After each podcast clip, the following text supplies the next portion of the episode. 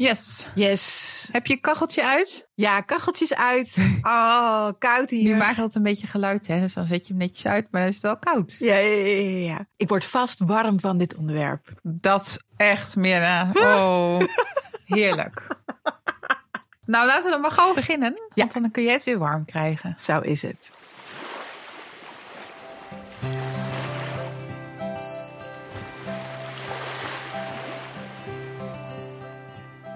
Welkom bij Verloskundig Baken, de podcast die een podium geeft aan innovatie en vernieuwing in de geboortezorg. Wij zijn Mirna Knol. En ik ben Kirsten Schatelier. En vandaag in deze podcast hebben we twee perinatologen te gast die heel veel weten over de groei van de baby. Nou, dat is natuurlijk een veelbesproken onderwerp, want Ja. wanneer is het een kleine baby en wanneer is het een te kleine baby? Precies, precies. Klein maar fijn. Kan natuurlijk Ja. ook gewoon. Dat kan natuurlijk ook. Ja. En dat is best eh, cruciaal. Nou, en ik ben ook gewoon heel benieuwd naar de groeicurve. En hoe dat nou precies werkt en eh, wat je daarover kunt zeggen. Maar goed, ik duik er al meteen in. Dat is goed, dat is goed. Komt allemaal aan de orde. Zo is het. En het is echt wel een onderwerp wat binnen de geboortezorg, binnen het VSV en soms nou ja, ook eh, voor zwangeren maakt dat er ingewikkelde keuzes gemaakt moeten worden. En worden die op de juiste gronden en juiste argumenten gemaakt. Ja. Dus ehm, we hebben Sanne en eh, Wessel. We hebben namen hadden we nog helemaal niet genoemd. Nee, nou nu. Ja, precies. Sanne Gordijn en Wessel Ganzenvoort, die gaan ons meenemen hierin en hebben misschien wel wat meer antwoord op die vragen. Dat zou top zijn. Nou, inderdaad. Hè? Inderdaad. We gaan het horen. En ehm, ja, dank ook weer voor de reacties die we hebben gehad. Mhm. En eh, jullie reacties en waardering die motiveert ons om door te gaan. Ja. En we hebben een hele mooie gekregen hè, en die eigenlijk eh, precies Ja, ja, beschrijft ik werd echt helemaal blij. wat wij hopen te bewerkstelligen, om het zo maar even te zeggen. Ja. Die schrijft, ik luister altijd graag naar jullie podcast als ik lang in de auto zit. Fijn om zulke positieve energie te ervaren in een tijd waarin steeds meer geklaagd wordt. Jullie inzet inspireert mij tot innoveren in mijn eigen regio. Nou, ga vooral zo door. Ja, Daar word je toch blij van? Ja, Dat is toch heerlijk? Ja. Daar doe ik het voor hoor. Dit was een reactie van iemand die een petje af had afgesloten. En mocht je ons niet willen steunen met een financiële bijdrage, dit soort woorden, daar worden we ook heel blij van. ja precies. Mag natuurlijk dus ook allebei, hè? Ja, het kan. Ook heel makkelijk allebei. Ja. Ja, eens. Hey, en wat we ook inspirerend vonden, tenminste, ik heb maar wel geluisterd. Eentje is de podcast eh, Verlossende Woorden. Dat is een podcast die eh, eh, door en voor gynaecoloog gemaakt wordt. Maar Mhm. hey, ook andere zorgverleners kunnen die prima beluisteren. Zo is het. En zij gaan eh, in gesprek met rolmodellen binnen de gynaecologie en obstetrie over hun eh, expertise en passie voor het vak. Leuk. Toch? Ja, niet alle onderwerpen zullen echt verloskundigen aanspreken of een kraamverzorgster. Maar ja, er zitten echt wel leuke onderwerpen bij. Ja. En eh, nou, Gaan wij nu door naar onze gynaecologen.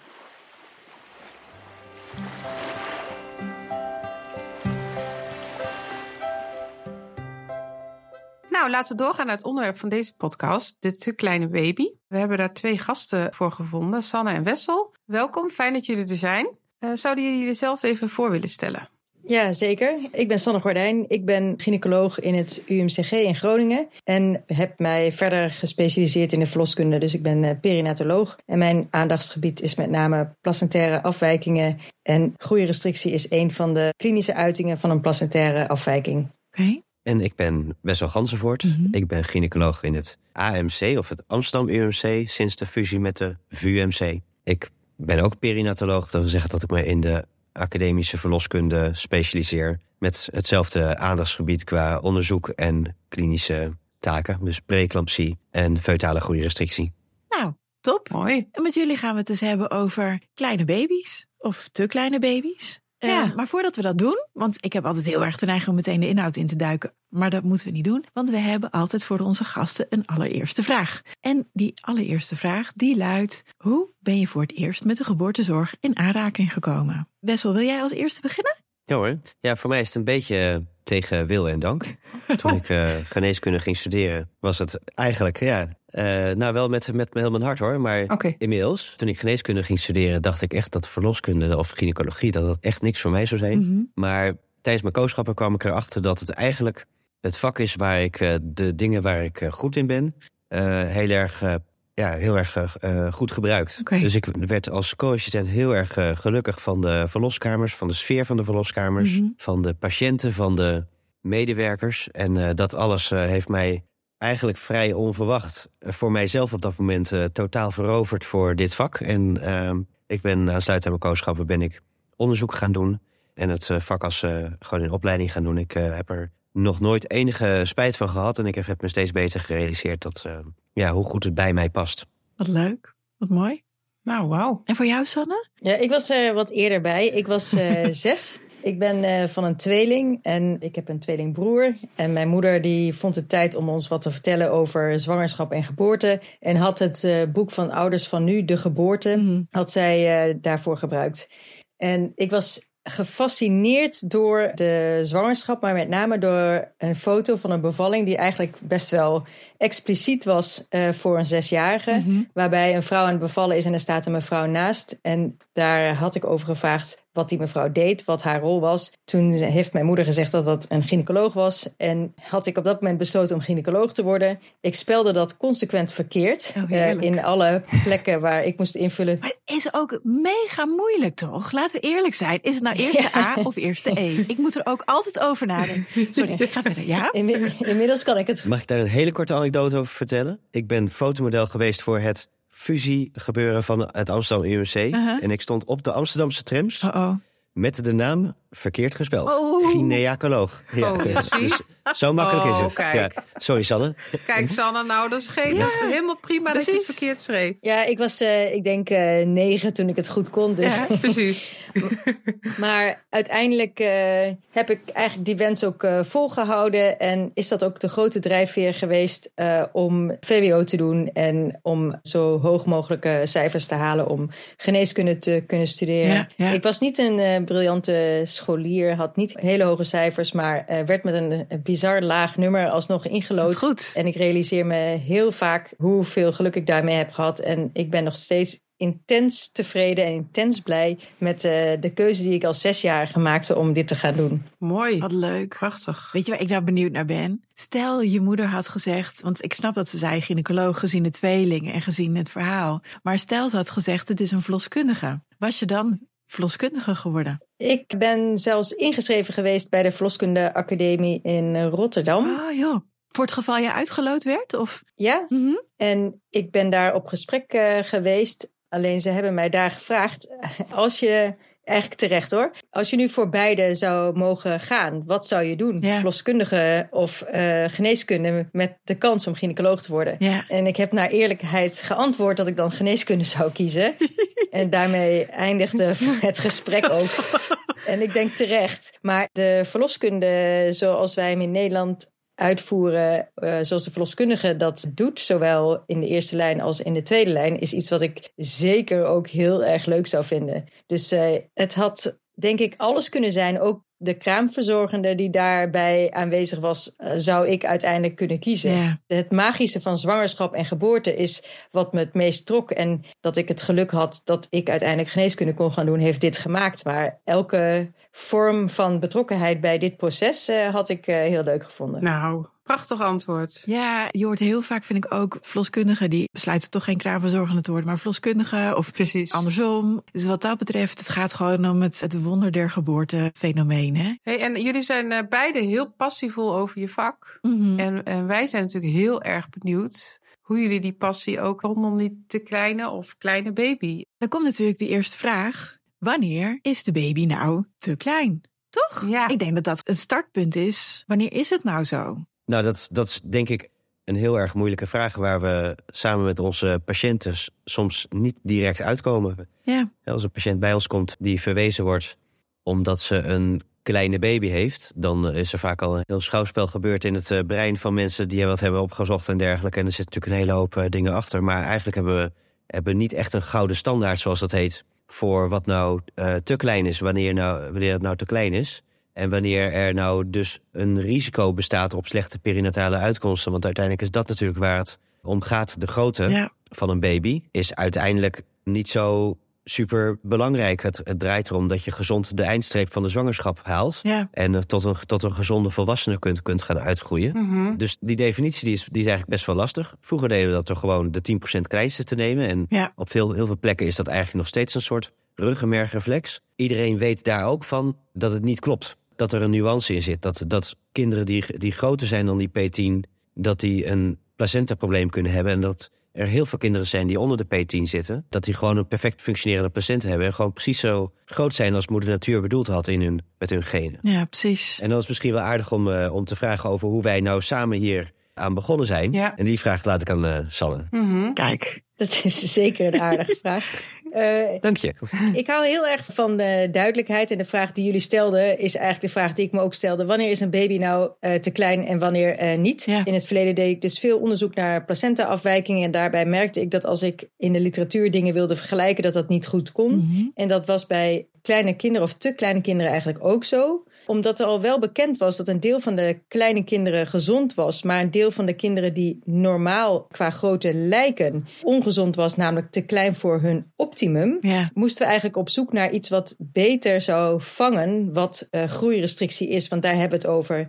Omdat groei in het woord zit, is klein daar eigenlijk aan verbonden, want eh, groei gaat over groter worden. Ja, Een bepaalde grootte bereik je door een dynamisch proces waarbij je op verschillende momenten steeds een beetje groter wordt. ja. Eh, dus klein is één van de onderdelen van een groeirestrictie. Maar eigenlijk is dat een uiting van een totaal pakket aan het krijgen van eh, voedingsstoffen en eh, zuurstof. Mhm. En dus ook het kunnen teruggeven van afvalstoffen en koolstofdioxide eh, aan Ja. de moederlijke circulatie. Dus dit gaat over de placenta. Ja. En ik was heel erg op zoek naar hoe kunnen we nou komen tot een definitie die beter is dan onder die P10 Mhm. afgaan alleen maar op eh, basis van een geschat gewicht tijdens de Ja. zwangerschap. Daar had ik een plan voor. Had ik een heleboel mensen voor gevraagd van... Goh, wat vinden jullie van dit plan? Want ik wilde een type consensusprocedure inzetten. Dus een Delphi consensusprocedure. Ja. En, en mensen zeiden, ja, heel goed idee, heel goed idee. Succes ermee.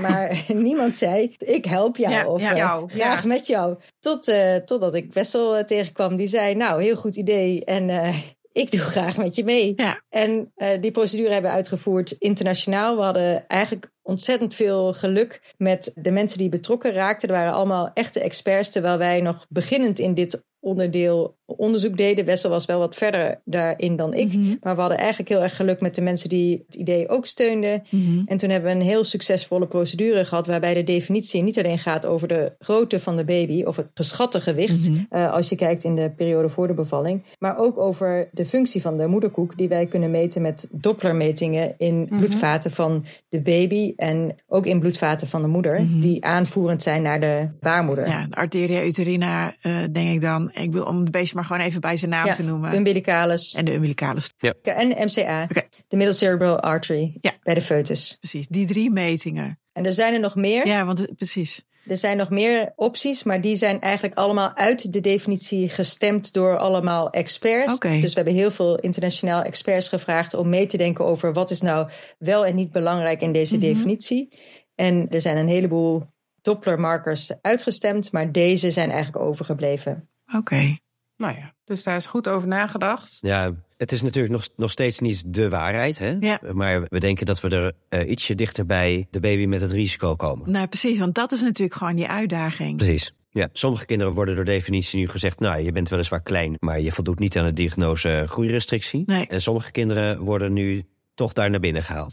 Stel, we hebben het over echt een eh, helemaal laag risico zwangere. Hè, dus die volg je op. Op een gegeven moment ook geen indicaties voor echo's, niks niet. En dan denk je, hmm, baby groeit niet hard. Hmm, zet je echo op. Denk je, niet een hele grote baby. Dan meet je nog een keer, omdat je de lijn wil bepalen. En dan zie je dat eigenlijk die lijn afbuigend lijkt te zijn. Hè? Want ik bedoel, nou ja, dus uiteindelijk allemaal ook schattingwerk, vind ik zelf, echo's. Hè, Dus stel eh, de EFW buigt eh, 20 percentiel af naar beneden. Dan verwijs je betreffende eh, zwangeren richting eh, tweede lijn. Die gaan dan dus een echo maken, die gaan die dopplers meten. En die komen dan terug bijvoorbeeld met goede dopplers. Betekent dat dan dat je dan dus mag zeggen van nou, die dopplers zijn goed. Dus ja, deze baby is misschien wat aan de kleine kant. De ene meting was wat ruimer, de andere meting was wat kleiner. Misschien toch een meetvariatie. Maar dit is niet een te kleine baby, maar een gewoon kleine baby. Of niet? Moet ik het zo zien? Ja, nou, dat hopen we natuurlijk uiteindelijk te bereiken. Maar op dit moment zijn we eigenlijk nog niet zo ver om dat met, met heel veel zekerheid te zeggen. Oké, Dus misschien is het nog aardig om terug te gaan naar het moment dat jij die patiënt naar mij verwijst. ja. Dan eh, zie ik die patiënt en ik maak een echo. Ik, ik doe al die metingen waarvan ik denk dat ze, dat ze interessant zijn.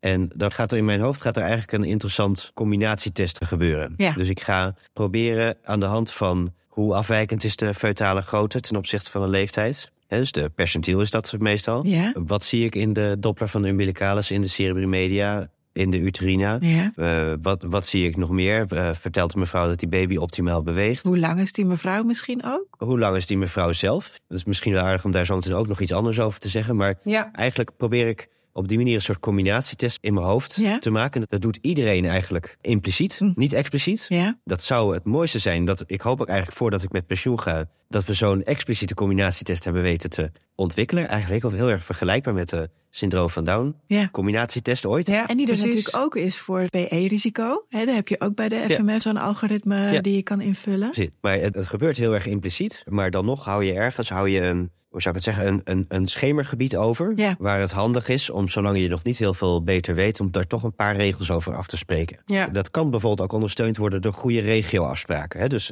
in mijn regio heb ik ook nog wel met sommige verloskundige praktijken hebben we een specifieke afspraak over wanneer we een kind van P8 terugsturen en wat we dan doen tijdens de bevalling en wanneer ze dan eventueel toch ingeleid worden. Ja, ja. Ondanks het feit dat Ja. hè, dus de, Heel individueel. Totdat we daar betere prospectief be- bewijzen voor hebben. Hoe we ook echt veilig de ene kant op en de andere kant op kunnen differentiëren.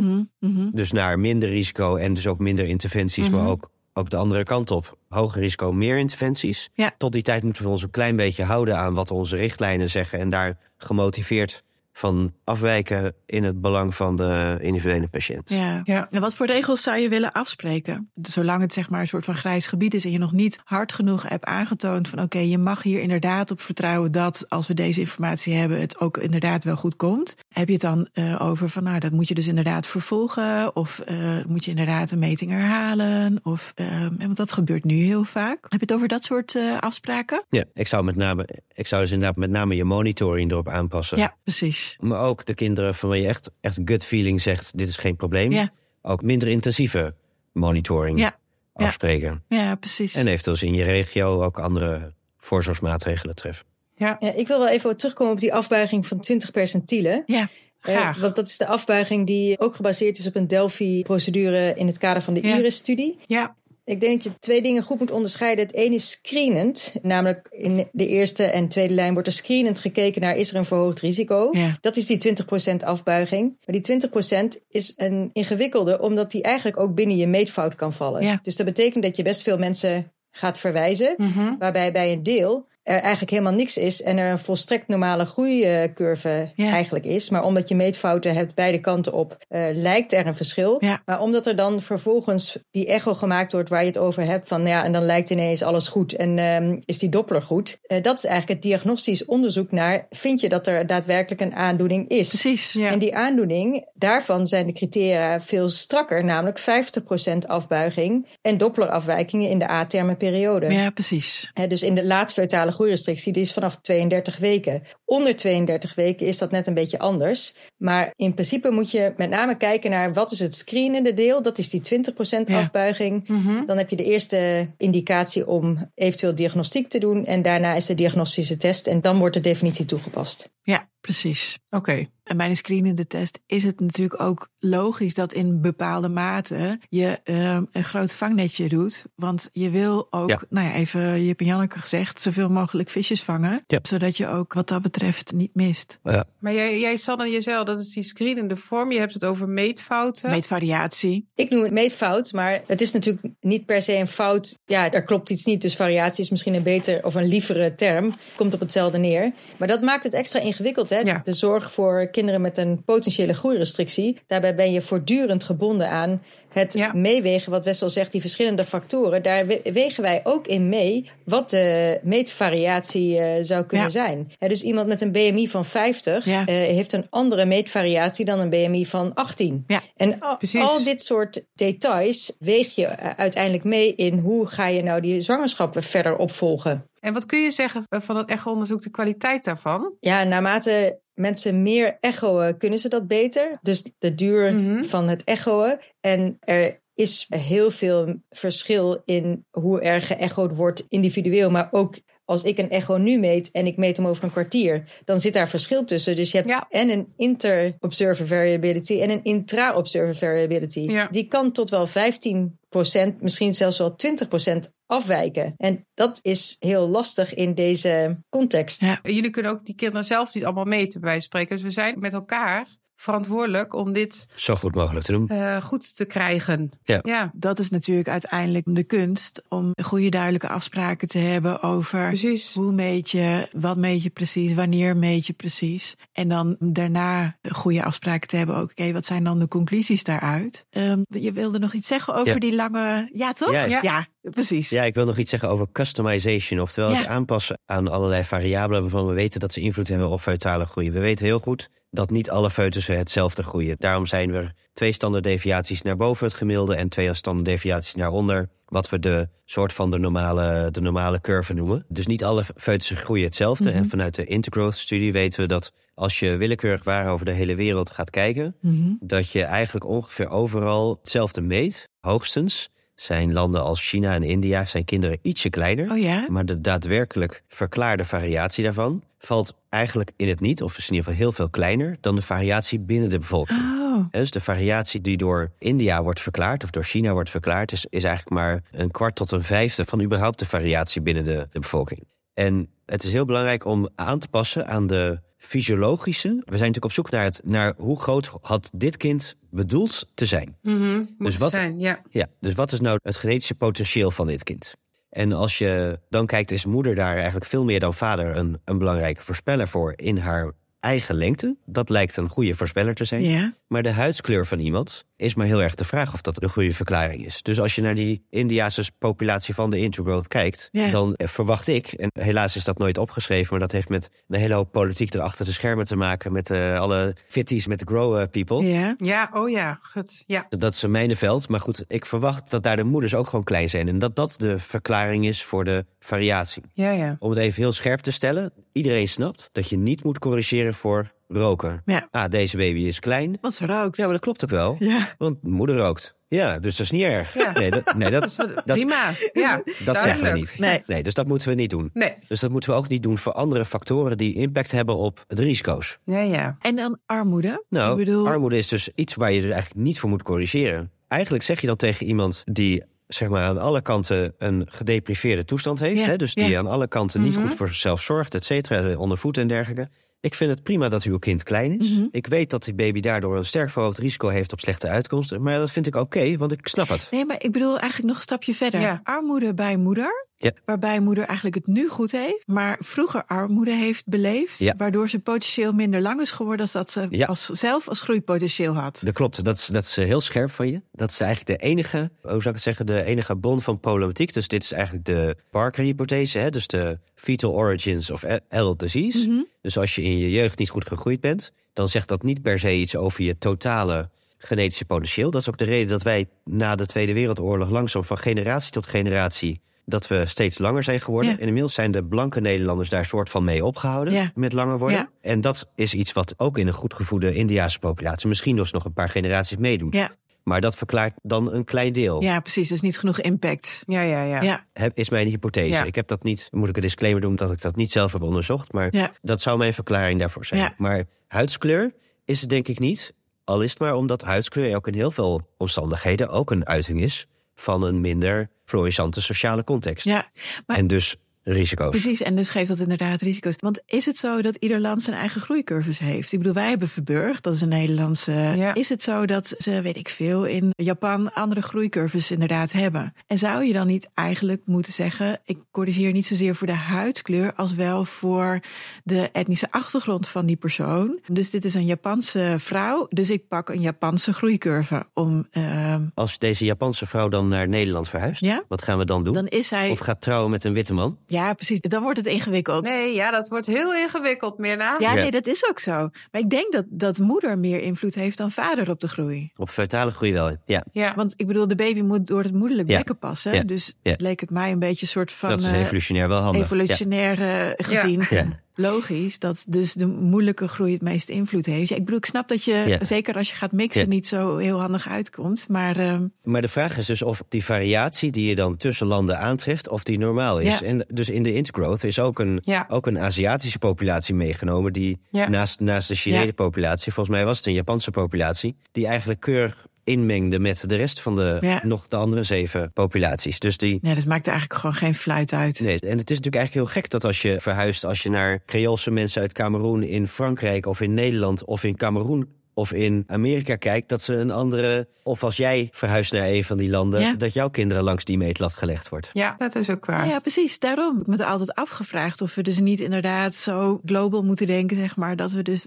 de meetlat ook veranderen. Bij voorkeur moeten we een universele groeicurve gebruiken. Ja, omdat die voor alle kinderen geldt. En hoogstens misschien dat we op termijn een keer gaan corrigeren. Dat we bijvoorbeeld wat meer weten over de invloed van maternale lengte. ja. Dat zou mijn voorstel zijn. En jouw punt van Verburg geldt ook voor de Hoftische geboortegewichtpercentielen. Die zijn eigenlijk op een vergelijkbare manier tot stand gekomen. En hadden wij al een soort van geïmplementeerd. Dat is de Verburg zeker. Mhm. Omdat die bijna helemaal overeenkomt met Intergrowth. Hebben we die landelijk besloten om die ook te handhaven. Ja. Om niet een nieuwe curve te implementeren. Nee, dat is Nee. natuurlijk enorm. eh, Dat is een heel pragmatische reden. Ja. Ja, precies. Ja, maar ja, ja, als je niks beters hebt, hè, dan moet je soms ook Ja. gewoon keuzes maken. Hè? Nou, het zijn goede curves dus. Als we het allemaal ook maar hetzelfde doen, hè?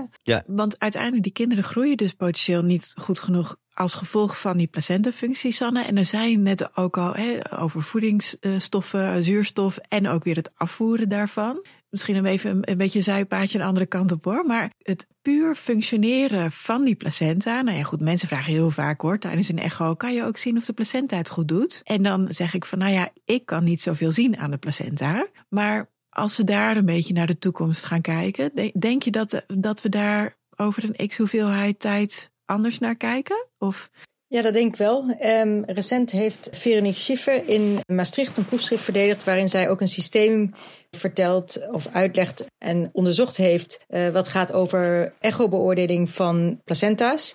Kijk, wat wij meten, dus dopplers in de umbilicalis en in de MCA van de foetus, gaat over bepaalde aanleg van bloedvaten die in de placenta zitten. Die wordt eigenlijk gemeten in de umbilicalis. ja, Hè, dus de weerstand in de placenta is eigenlijk de weerstand die je in de umbilicalis meet. Ja. De weerstand in het brein van de baby is de weerstand systemisch van het brein. Dus als die laag wordt, dan weet je dat het brein voorrang krijgt. En dat noemen we Ja. brain sparing. En dat kun je meten. Maar dat placentaire deel, dat zit eigenlijk aan de kant van het kind. En gaat over afwijkingen aan eigenlijk de vaten in de villi van het eh, kind.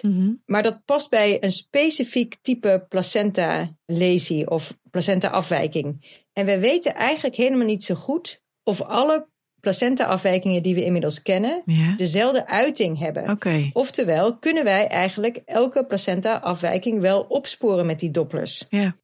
Oké. En we zijn eigenlijk op zoek naar de profielen per placenta-afwijking die we dan met de echo kunnen zien. En we hebben recent hebben we de Drigitat-studie afgerond in eh, Nederland. En daar hebben we een heleboel kinderen die klein waren... met en zonder doppelafwijkingen... hebben we ook de placenta van eh, verzameld. En daar gaan we kijken of de placenta-afwijkingen die wij zien... ook allemaal leiden tot hetzelfde eh, probleem qua dopplers.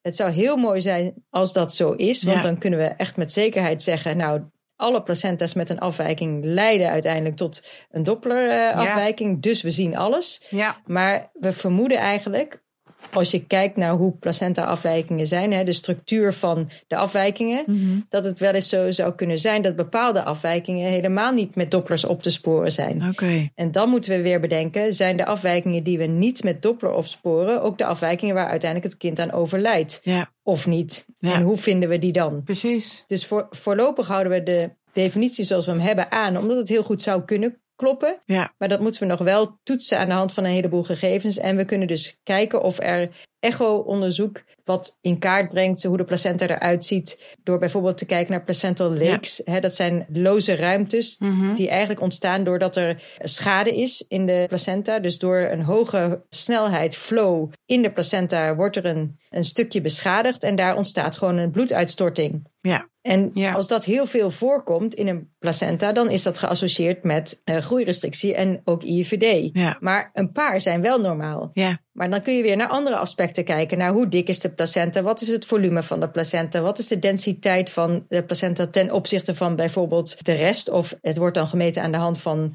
eh, botdichtheid. Ook in het UMCG wordt daar een onderzoek naar gedaan naar bepaalde patronen van placenta op echo. Mhm. Dus als we naar de toekomst kijken, dan denk ik wel dat echo daar nog een ruimere rol in gaat spelen in combinatie met de andere factoren die we al kennen. Ja. Dus het zeg maar de combinatietest waar Wessel het over had, die kan uitgebreid worden met factoren die we op die manier kunnen opsporen. Ja. Hoop ik. Jongen, jongen. Nou, dat is nog wel een hele, hele klus, denk ik. Ja. En wel leuk. Het is eigenlijk best hoopvol. Ja, leuk. Want dit, dit verhaal vertellen we nu, nou, al- misschien al bijna een, een decennium dat we hiermee bezig zijn. Mhm. En we hebben steeds gevaren op retrospectieve data. Mhm. En inmiddels hebben wij dus in Nederland met Digitad het grootste koord van prospectief verzamelde data van kleine baby's. Met zo ontzettend veel details over opeenvolgende echo's en ook over biomarkers die je bij moeder in het bloed kunt meten en de placenta en dergelijke. Ja, daar was ik nog benieuwd naar inderdaad. Ja, Dus d- dat komt eraan. Er is een parallelstudie in Engeland die loopt. Er is een studie in, vanuit Spanje die bij eh 10.000 zwangere vrouwen... eh, of 12.000, nou, dat detail moet je me geven... Mhm. maar die, het is ook nog niet gepubliceerd. Maar in die buurt zit het. Van alle risico's hebben ze geblindeerd al deze dingen ook gemeten. Mhm. Dus allemaal prospectieve data. En met prospectieve data kun je uiteindelijk heel veel meer Ja. gemotiveerd dit soort risico-inschattingen maken. Dus- En dat komt er nu in de komende paar jaar komt dat er allemaal aan. En ik denk ook dat dat ons echt wel een beetje gaat, gaat helpen om dit beter te doen. Ja. ja. ja, precies. in plaats van een beetje in, in zo van, nou ja, we doen het omdat het, hè, dat we denken dat het goed is, dat we veel meer kunnen varen op wat we weten. Ja. Ja, zou mooi zijn. Ja, Nou ja, en het is natuurlijk uiteindelijk heel waardevol op het moment dat je nog een betrouwbaardere risicoselectie kan doen. Ja. Kan je dus heel goed zien waar moet ik inderdaad de ogen op zetten. Ja. Bij, op, hè, op wie moet ik gefocust zijn en eh, Maar wie kan je ook loslaten en zeggen, hé hey joh, weet je, Ja, dat is echt cruciaal wat je nu zegt. Ja. Het lijkt altijd dat we goed doen door maar te handelen. Maar het inleiden van een bevalling bij een kind waar het niet nodig is. Ja, dat heeft ook echt nadelen. En dat zijn nadelen die, als je dat per kind meet, eigenlijk niet zo super groot zijn. Hè? Dus dat gaat over eh, uiteindelijk s- zelfs eh, schoolscoren, eh, puntenverlies. Mhm. Mhm. Maar ook wel over eh, ontwikkeling natuurlijk van eh, bijvoorbeeld het immuunsysteem. Mhm. Hè, En dat zijn kleine verschillen per kind. Maar als je zoveel bevallingen inleidt. Want het gaat over 10% van de populatie, Ja. kleine kinderen. Ja. Als je die allemaal voor niks inleidt, dan gaat het over enorme gevolgen voor de gehele populatie. ja, en voor de maatschappij dus ook, hè? Ja, zeker. Voor ons allen. Ja, En de bevallingservaring, hè, je gaat inleiden. ook. Niet meer lekker afwachten tot het lichaam zelf aangeeft. Het is, het is goed. ja, nou ja. Dus je doet echt een inbreuk in een heleboel eh, dingen. Dus ik denk dat het essentieel is dat je realiseert dat kleine gezonde kinderen met rust gelaten moeten worden. Nou ja, precies. Ja, mooi. Mooi dat je dat zegt En ook. grotere te kleine kinderen, Die moet je hebben. die moeten we wel hebben. Ja. Ja, precies, precies. Ja, die zijn eigenlijk nu het slechtst af. Hè? Want zelfs, Ja, zelfs als we ze met de definitie eh, zien, hè, dus kinderen die eh, boven de P10 zijn, maar 50 percentielen zijn afgebogen en eh dopperafwijkingen hebben, dan is het protocol van de kindergeneeskunde daar nog niet op voorbereid. Dus de kindergeneeskunde heeft in de indicatielijst staan: gewicht onder de P10 is een kind wat eh, te klein is en boven de P10 is eh, goed. ja, En dus geen glucoses. Ja, dat is ook een heel discussieprotocol, eh, inderdaad. nee, precies. Leuk, Ja, mooi. ik ben ook wel hoopvol nu. Ja, dat is wel fijn. Je denkt toch van, ja, gut. Je hebt altijd van het vinden van Ja. de groei of de gr- eh, groei inschatten is altijd een, nou, een grote uitdaging. Hè, uiteindelijk eh, zijn onze methodes daarvoor binnen een bepaalde mate beperkt, Ja, Nou, vind ik wel. denk ik. Doet iedereen zijn best, maar glipt er wel eens eentje toch? Nee, het glipt er gewoon doorheen. Ja. Ja, door je vingers. Ja. Ja. Dat is gewoon de realiteit. En die ene die, het- die er tussendoor glipt. Ik weet niet of jullie dat wel eens mee hebben gemaakt. Ik heb dat, ik heb dat zeker wel eens meegemaakt. En zeker ook vanuit de ontvangende kant. Want mensen worden dan natuurlijk altijd naar de Ja. tweede lijn, derde lijn vervolgens verwezen. Ja. Maar als je dat gaat nakijken in de perinet data. Wat het maat en getal daarvan is. En je haalt alle bekende oorzaken weg. En je gaat dan heel conservatief schatten. Van ja, dan zal dit percentage zal het wel zijn. Maar ik ga daaronder zitten. Ja, Dan kom je op ongeveer 200 kinderen per jaar. ja verschrikkelijk toch? En vooral dus ook heel vaak normaal gegroeide kinderen Ja. die er plotseling tussenuit piepen. Ja. En waar je uiteindelijk niet anders kunt concluderen of waar je sterk het vermoeden hebt dat uiteindelijk die placenta gefaald heeft. Ja. En ja, hè, voor de mensen om wie het gaat is dat een, eh, ja, dat is een drama. Dat, dat, Maar het is gewoon verschrikkelijk. Mhm. ja, en dat geldt ook voor de, voor de zorgverlener die zo goed haar of zijn best eh, gedaan heeft voor die, eh, Ja. die zwangerschap. Dus als we hier beter in worden, dan, dan is de hoop dat in ieder geval een deel van dat soort eh, kinderen dat, dat ons niet meer gebeurt. En dat zullen we dan nooit weten wie we op die manier eh, geholpen hebben. Gered hebben, zeg maar. Ja, precies. Nee, Ja. ik denk dat het belangrijk is dat zij een gezonde baby hebben en dat wij inderdaad ook Ja. dat gevoel niet meer zo Ja. soms zo hebben. Hè? Van, en het zal heus niet, het is verloskunde, het is geboortezorg, dus niet alles is te. Het zijn de gevaarlijkste centimeters van je leven. uiteindelijk, het allertofste is natuurlijk dat we überhaupt kunnen voorkomen dat er kinderen zijn waarbij er een reden is om niet je optimale groeipotentieel te behalen. Dus als we dan heel even nog de preventieve bril op ons neus zetten, roken weten we, armoede weten Mhm. we, ik denk ook, hè, d- maar zijn er nog, zeg maar, wat- misschien wat minder voor de hand liggende preventieve dingen? Ik bedoel, ASCAL is natuurlijk ook steeds meer onderwerp van gesprek, maar dan vooral in het kader Ja. van de E. PE. Dat klopt. Van de maternaal vasculaire malperfusie. Ja, precies. Ja, dit, de onderliggende lesie die je ermee behandelt of probeert te voorkomen, is maternaal vasculaire malperfusie. Dus eigenlijk suboptimale innesteling. Maar het doet niks op de andere Nee, precies. placentaire afwijkingen waar ik het net over had. Nee, Precies, dus je hebt een klein stukje van de te kleine kinderen die je daarmee zal voorkomen, maar niet allemaal. En verder, andere preventieve acties? je preventie is natuurlijk eh, altijd het toverwoord. Dat geldt ook voor obesitas. Dat geldt ook voor heel veel van dit soort dingen. En, en dat is echt een, een, een totaal onderbelicht. Maar welke preventie? Eh, educatie, goede voeding, de, de, Lifestyle. de- dat is echt de, lifest- de lifestyle dingen. Eh. De, Ja, beweging, ja, precies. Heel vaak zijn, zijn de risicofactoren die stapelen zich op bij bepaalde bevolkingsgroepen. Hè? Dus, Ja. Dus, eh, dus omdat ze en roken en niet genoeg bewegen en ja, witte mensen die generatie na generatie in achterstand leven, ja, o- hebben ongelooflijk hoge perinatale sterfte. En datzelfde geldt ook voor eerste generatie eh, migranten. En Ja. er is ongelooflijk veel te halen door te werken aan preventie. Eigenlijk is het van de zotte dat we zo ontzettend veel geld uitgeven aan de laatste levensfase in plaats van aan de geboortezorg. Het moment dat we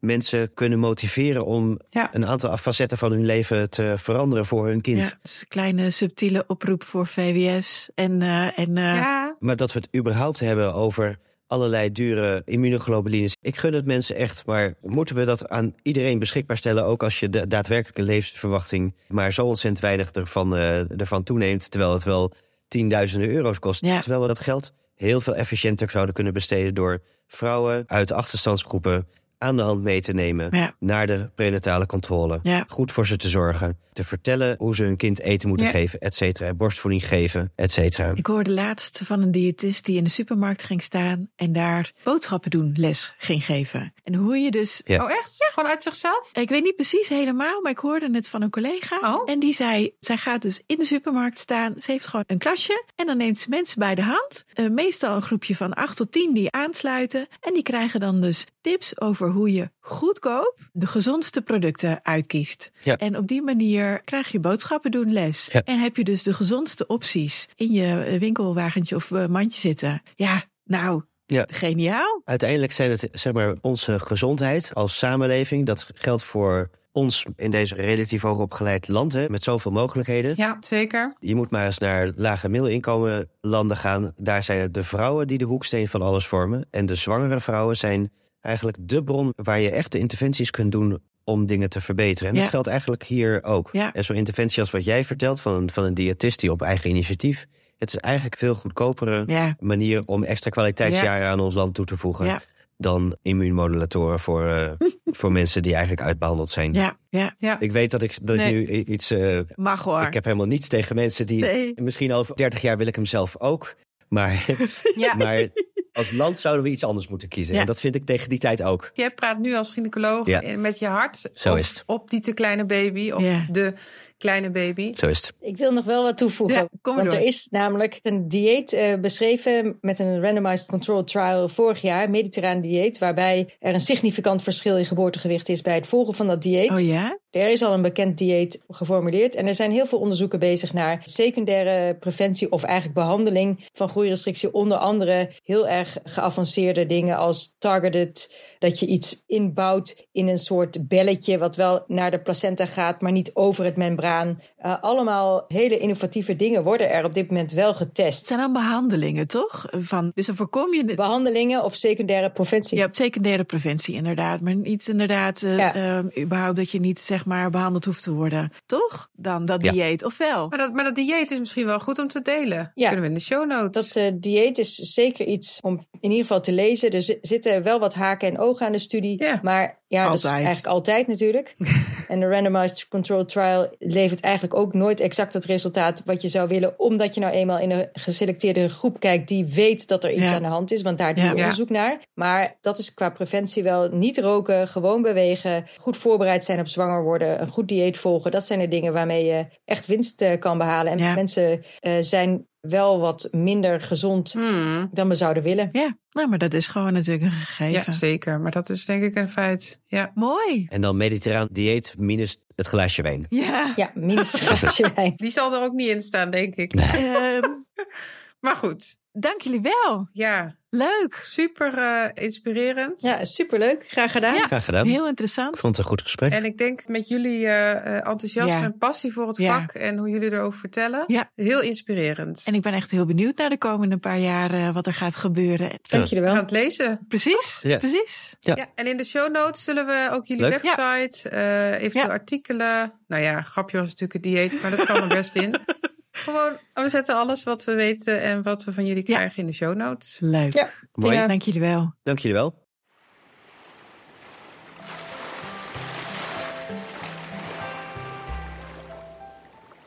Leuk. Ja, Wat super interessant, vind je niet? ja, echt heel goed onderwerp waar het super goed van is dat er nog meer onderzoek naar komt. Ja. En waar onderzoek mee bezig is. Hè? Nou, dat ook. En hoopvol ook. Ja. Dat vond ik wel echt, dat zei je natuurlijk al, maar dat vond ik ook echt. Nou, de gedachte, we gaan ergens naartoe, we gaan op een gegeven moment hè, meer handen en voeten krijgen om goed te zien, oké, deze baby moeten we in de smiezen houden en Ja. deze kunnen we wat loslaten. Echt, wauw. Nou, en wij zijn heel benieuwd naar alle resultaten. Ja. Dus we gaan ze nauwlettend in de gaten houden, al die onderzoeken.